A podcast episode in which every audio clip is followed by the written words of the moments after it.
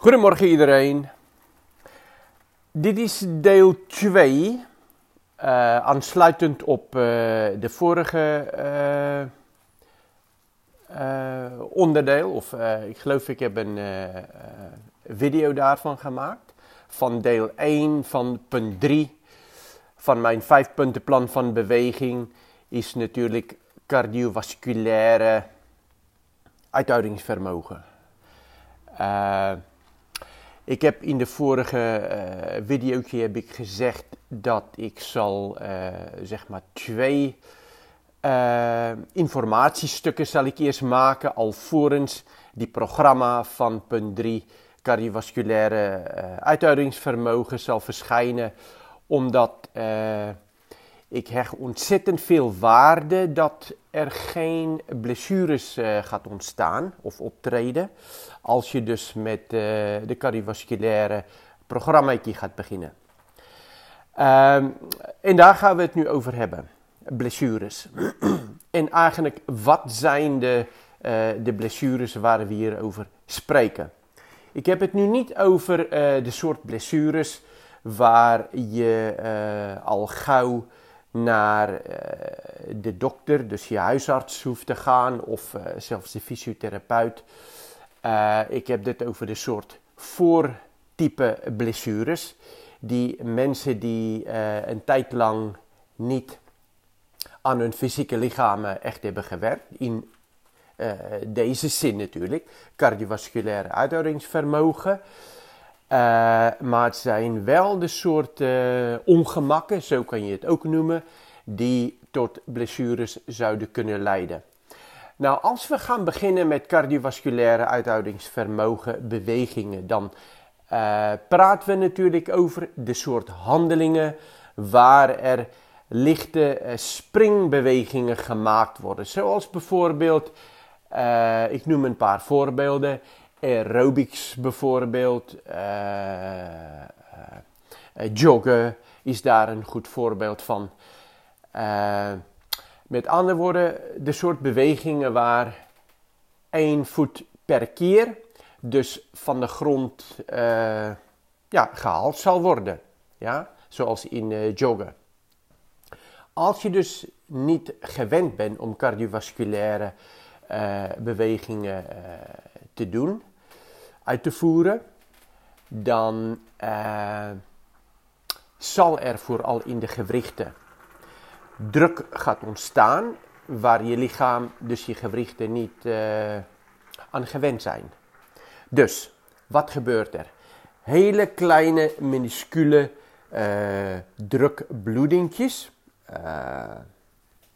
Geen man overboord. Maar dat zijn de soort dingen die zouden kunnen ontstaan. Ook in de spieraanhechtingen, zodat hele kleine scheurtjes kunnen ontstaan. En natuurlijk uh, de gewrichtsvlakken gaat opzetten of opzwellen. Nou, als die zwelling niet uh, bijtijds opgelost of de metabolieten, de producten die voor die zwelling verantwoordelijk is, afgevoerd worden, dan kan dat bijvoorbeeld tot gewrichtsstijfheid of gewrichtspijn gaat leiden. Vaak in de knieën uh, zal er een beetje eh, vocht op een hoping gaat optreden, water op de knie. En dat kan vaak als alarmerend ervaard worden. Dus dat zijn natuurlijk de soort dingen waar we mee te maken gaan krijgen. Als je dus met cardiovasculaire oefeningen gaat beginnen.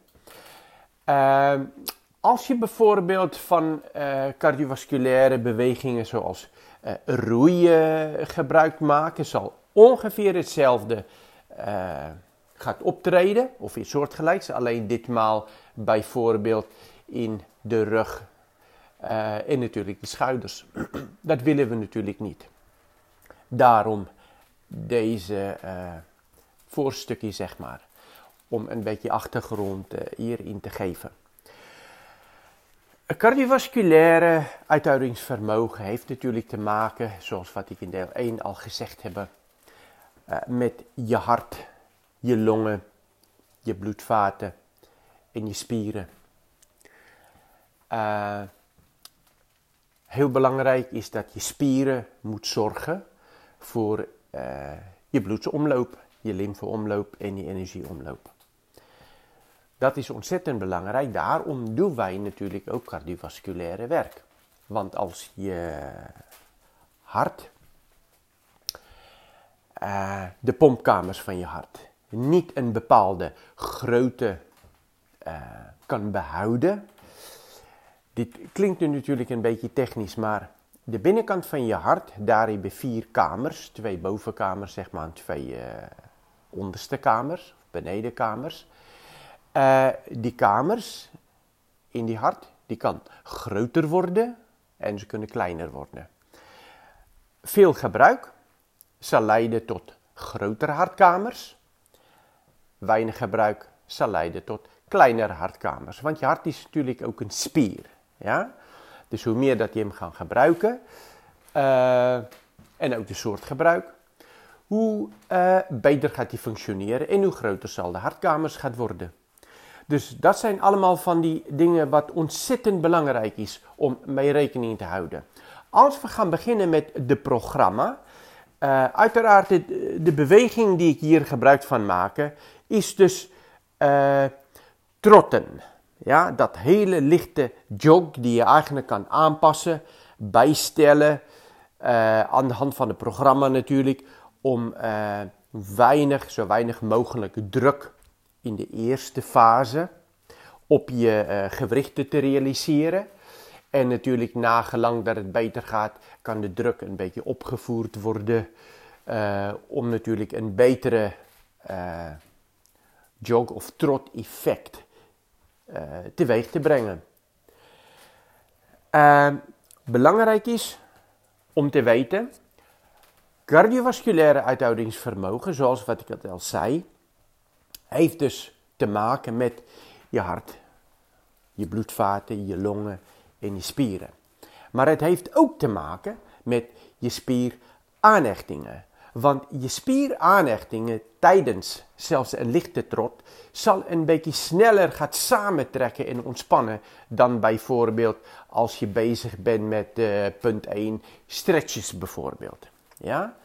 Dus daarom zijn uh, we zo voorzichtig met uh, uh, alle voorwerk in termen van cardiovasculaire uithoudingsvermogen, omdat, en hier komt een hele belangrijke punt,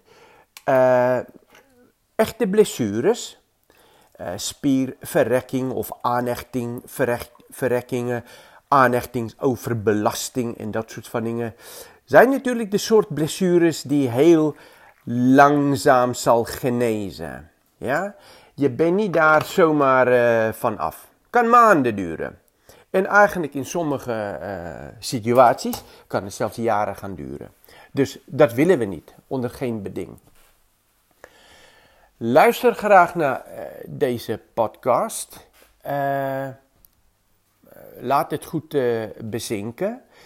en als je nu het zal waarschijnlijk morgen zijn dat uh, de programma gaat verschijnen. luister misschien nog een keer naar die eerste videootje hierover in deze podcast. Om net ervoor te zorgen dat, dat je het goed begrijpt. En dat eigenlijk voorzichtigheid is waar het om draait.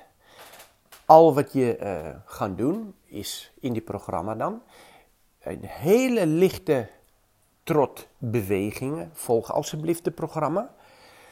Uh, om je uh, gewrichten en al die structuren waar we het over hebben gehad, een beetje te laten wennen aan die bewegingen. Nou, veel mensen denken ook bijvoorbeeld uh, te weten dat als ze jaren geleden veel hebben gehardloopt en, en al dit soort van dingen, dan telt het nu nog mee. Je moet eigenlijk zo redeneren. Als je drie maanden niet dit soort van bewegingen gedaan hebt, dan geldt een gouden regel dat je begint helemaal weer opnieuw. Niks mis mee, geen man overboord. Hoe softer en hoe langzamer dat je begint, hoe sneller gaat je opbouwen. Ja, dat is hoe het werkt. hoe sneller dat je wil beginnen om snelle resultaten te krijgen. Het bestaat niet, snelle resultaten, ja. hoe sneller gaat hij voor jezelf een blessure of meer bij elkaar werken? En dan ben je terug bij af. En dan ga je misschien uit de relatie voor heel lang. En dat is natuurlijk niet de bedoeling. Ik vind het ontzettend erg als mensen uh, blessures oplopen tijdens uh, een van mijn vormen van training. Ik heb het even niet over mensen die bezig zijn met super zware training. Dat is een totaal ander gesprek. Gorilla training en dat soort van dingen. Dat, dat, daar kan het gebeuren, maar goed. Dit zit op een ander niveau, heeft andere doelen. En ja, daar kan van alles en nog wat misgaan. Ook waar je geen beheer of weinig beheer over hebt. Dus daar hoeven we niet over te praten. Ik maak daar alleen melding van. waar we nu mee bezig zijn, is het voorbereiden van je lichaam voor beweging op alle punten. Aan de hand van mijn vijf punten plan van beweging.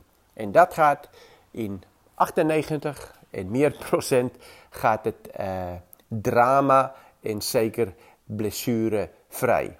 De programmaatjes zijn dusdanig uh, samengesteld dat je kan heel makkelijk terugschakelen als het moet. Je kan heel makkelijk een beetje opschalen als het moet. Alles een beetje.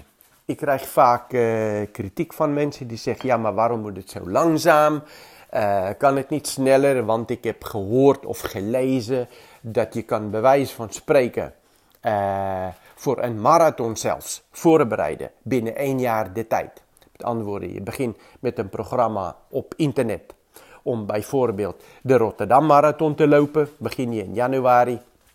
En dan een paar maanden later aan de hand van uh, de beloftes van dergelijke programma uh, dan ben je klaar om de Rotterdam uh, Marathon uh, uit te lopen. Nou, dit is wat ik noem gekke en debiele werk. Dat, is, dat zijn de soort zaken waar je dan op de behandeltafel mensen tegenkomen die hun gewrichten, spieraanhechtingen en dergelijke hebben verziekt. En zoals wat ik zei, de soort kreten die dan leiden tot, ja, maar ik moest stoppen vanwege mijn knieën of zoiets. Hè. Is natuurlijk allemaal inspanningsfysiologisch totaal ongefundeerd, uh, niet slim en eigenlijk super dom. Haal nooit een programma van internet of uh, een video die je hebt gekocht en die je gaan vertellen dat je kan binnen een korte periode je buik kwijtraken of, of snel voorbereiden voor iets, want het bestaat niet. Het bestaat en het kan met dien verstande dat je de bereidheid dan hebt om daar een bepaalde prijs voor uh, te gaan betalen. En ja, zoals wat ik zei, gewrichtsblessures wil je voorkomen. Kosten wat dit kostte. Ik heb zelf bijvoorbeeld geen uh, baat eigenlijk bij om mensen te helpen om zo super voorzichtig te zijn. Want ja, ik heb natuurlijk, ben ook een behandelaar, dus naast beweegkundige ben ik ook behandelaar. Dus ja, je zou denken dat uh, het zal zeker uh, in mijn directe belang zijn als er een blessuretje of wat zou uh, optreden. Want dan kan ik natuurlijk die weer op de behandeltafel behandelen. Nou, als behandelaar ben ik zo'n behandel, behandelaar niet. Uh, ik trek dit me eigenlijk uh, bijna persoonlijk aan als mensen blessures oplopen tijdens beweging. Want ik vind het super stom. Ja? Heel veel mensen die verzieken bijvoorbeeld hun heupen. Ik heb het nu vooral over uh, de leeftijdscategorie zo 40 jaar en ouder. Als die mensen dan gaan beginnen met beweging en allerlei inspanningen om te proberen om ja, zeg het maar, verloren jaren terug te halen, wat allemaal kan. dan merk je dat daar, zeker in de heupen en de knieën, ook vaak de enkels, allerlei drukblessures gaat ontstaan. En die mensen zijn vaak de mensen die dan uh, stoppen of moeten stoppen. Uh, omdat ze natuurlijk niet meer verder kan. Ja? Gewrichten gaat opzwellen, uh, veel vocht gaat ophopen in de gewrichten, bijvoorbeeld in dit geval de knieën enzovoort. En die mensen zelden begint ooit weer aan een dergelijke cardio-programma. Let ook alstublieft op het heet niet voor niks mijn vijfpuntenplan van bewegingen, want er moet een balans komen tussen alle punten van de vijf punten, zodat je gehele lichaam, alle structuren goed voorbereid zijn om te kunnen bewegen en correct te kunnen trainen. Ik hoop je, uh, je begrijpt een beetje mijn boodschap hier achter mijn boodschap. En het gaat erom dat we blessures willen voorkomen. Dus veel plezier met het programma die ik ga plaatsen.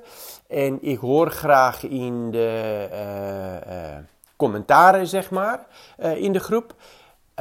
als je vragen hebt of wat ook al, of een mening, of je wil iets zeggen hierover of waarover ook al. Zet graag alles in de groep en dan kunnen wij allemaal daarvan leren.